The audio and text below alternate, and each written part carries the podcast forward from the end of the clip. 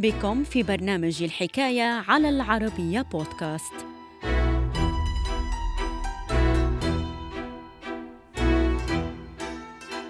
سجلت أولى التظاهرات الرياضية على الثلج والجليد ظهورها أواخر القرن التاسع عشر قبل أن تنتشر بشكل سريع لتجذب انتباه العديد من محبي الرياضات الشتوية تفاصيل الحكاية في مقال الكاتب طه عبد الناصر رمضان بعنوان كيف ظهرت فكرة الألعاب الأولمبية الشتوية؟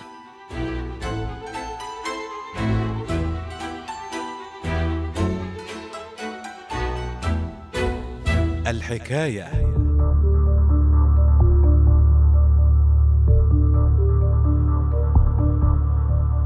منذ العصر الحجري الحديث اتجه الإنسان لاستخدام أدوات التزلج في تنقلاته. فبمتحف أوميو للتزحلق على الجليد يسهل العثور على ألواح استخدمها البشر منذ أكثر من خمسة آلاف عام للتنقل فوق الثلج والجليد. وطيلة السنين التالية استخدم الإسكندنافيون أدوات تزلج بدائية صنعت من بقايا عظام الدواب في تنقلاتهم خلال فصل الشتاء. كما اتجهوا أيضا لاعتمادها لتسهيل تنقل الجنود أثناء الحروب الشتوية. وقد انتظر العالم حلول القرن السابع عشر ليشاهد ظهور أولى القطع الحديدية على الزلاجات والزلاقات التي سرعان ما انتشرت في كل من هولندا وإنجلترا واسكتلندا.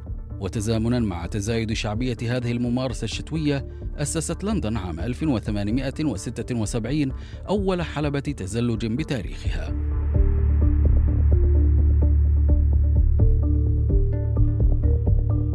خلال شتاء عام 1864 نظم يوهان بادروت الذي كان صاحب فندق بمدينة سانت موريتس بسويسرا نوعا من الألعاب الشتوية الخاصة حيث عرض الأخير على زبائنه العودة بفصل الشتاء وأنشأ محطة تزلج راقت عمليات التزلج بها للعديد من الزوار.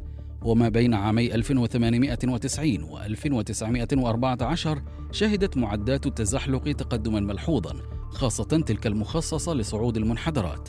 سرعان ما ساهم في ظهور الألعاب الرياضية الشتوية. ففي عام 1893 نظمت مدينة سخيفنيغن الهولندية أولى تظاهرات التزلج السريع الرياضية. وبعدها بثلاث سنوات نظمت مدينة سان بطرسبرغ الروسية عام 1896 أولى تظاهرة تزلج فني على الجليد تنافس خلالها أربعة رياضيين ذكور.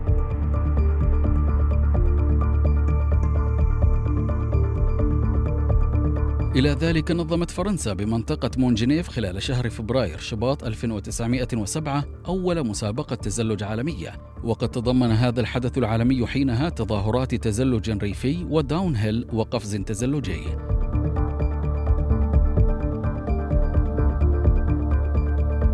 عام 1908 أضيف التزلج على الجليد بمناطق مؤهلة ومخصصة لذلك كرياضة رسمية أضيفت للألعاب الأولمبية التي استضافتها لندن. وبحلول العام 1920 كسبت هذه الرياضة شعبية هامة تزامنا مع بداية اعتماد الهوكي. بشكل تدريجي سجلت فكرة الألعاب الأولمبية الشتوية ظهورها.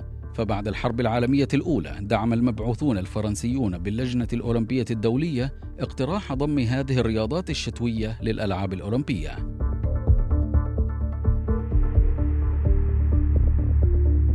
وبدعم من مؤسس الألعاب الأولمبية الحديثة البارون بيير دي كوبرتان أضاف المسؤولون الأولمبيون للألعاب الأولمبية في باريس 1924 ما عرف في بادئ الأمر بالأسبوع الدولي للألعاب الشتوية.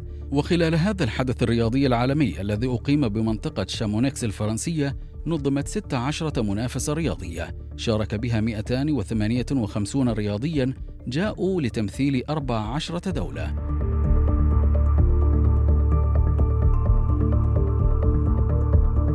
بعد عامين تقرر رسميا بحلول 1926 اعتماد اسم الألعاب الأولمبية الشتوية بدلا من الأسبوع الدولي للألعاب الشتوية.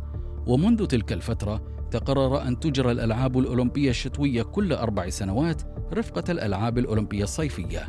فضلا عن ذلك وافقت اللجنة الأولمبية الدولية على مقترح يسمح بإجراء هذين الحدثين الرياضيين العالميين بدولتين مختلفتين.